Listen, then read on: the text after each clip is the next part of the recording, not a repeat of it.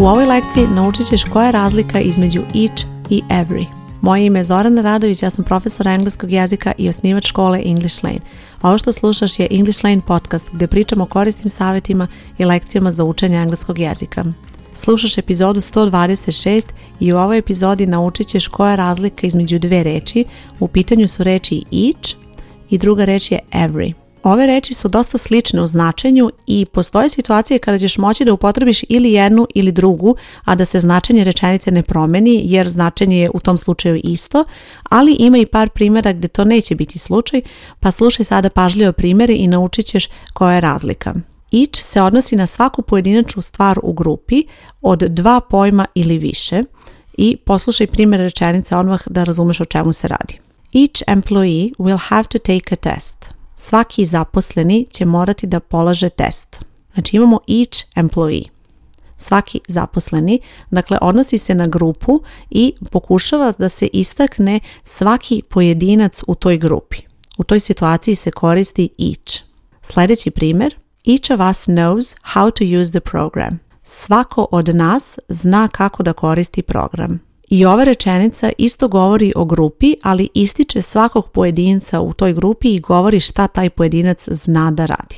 U ovom slučaju zna da radi, ali naravno to se može menjati u zavisnosti od rečenice, ali bitno je da shvatiš da ovo each ističe svakog pojedinca u toj grupi. Sa druge strane imamo reč every.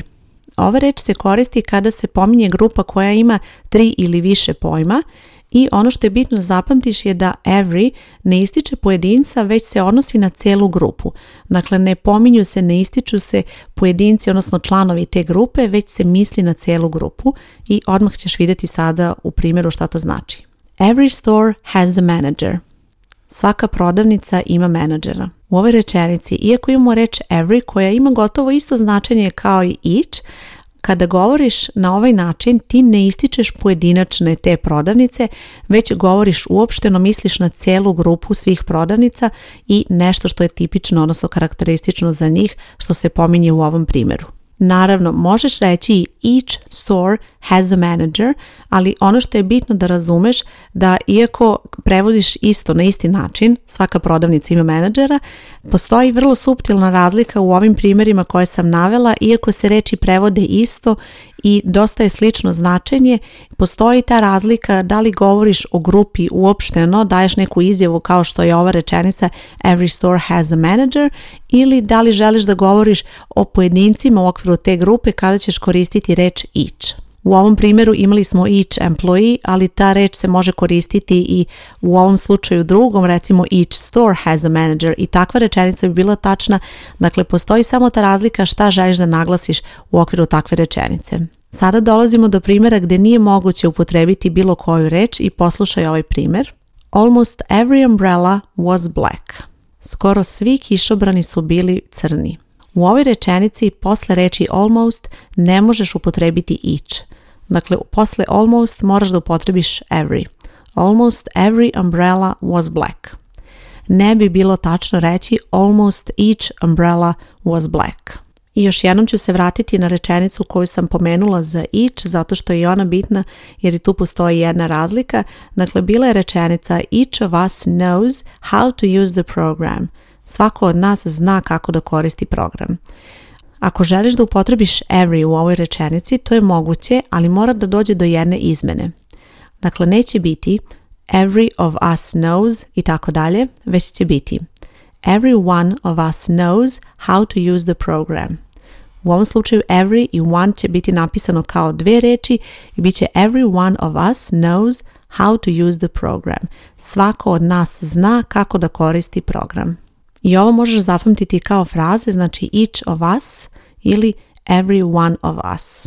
To su fraze koje možeš koristiti, opet značenje je isto i bitno je samo da odrediš šta želiš da naglasiš u takvoj situaciji, da li pričaš o pojedincu ili želiš da naglasiš grupu, u toj situaciji koristiš ili jednu ili drugu reč.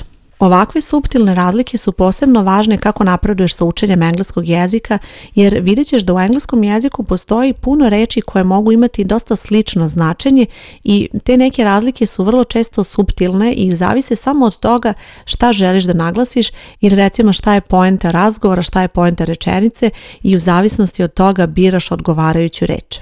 Iako za ovakve stvari zna da bude isti prevod, vrlo je bitno da shvatiš da na engleskom postoje te razlike i one ti omogućavaju da se na mnogo precizniji način izraziš i da mnogo bolje preneseš sliku šta želiš da kažeš na engleskom, zato je engleski takav jezik kakav jeste i vidjet ćeš da kako napreduješ sa učenjem, učiti nove reči iako postaje u neku ruku lakše, zato što će ti biti lakše da pamtiš nove reči, u isto vrijeme postaje i malo veći izazov zato što je bitno da obratiš pažnju na ovakve razlike koje se javljaju između reči. Ukoliko si polaznica moje škole i imala si dilemu kada da upotrebiš each, a kada every, nadam se da ti ova lekcija razjasnila to i da sada možeš da upotrebiš to u aktivnostima koje te očekuju u okviru kurseva koje pohađaš, Ukoliko nisi član moje škole, a želiš da nam se priključiš, želiš da učiš engleski preko interneta i bitno ti je da program obuke koju pohađaš bude zaista kvalitetan i fokusira se i na ovakve detalje, predlažem da pogledaš više o mojoj školi.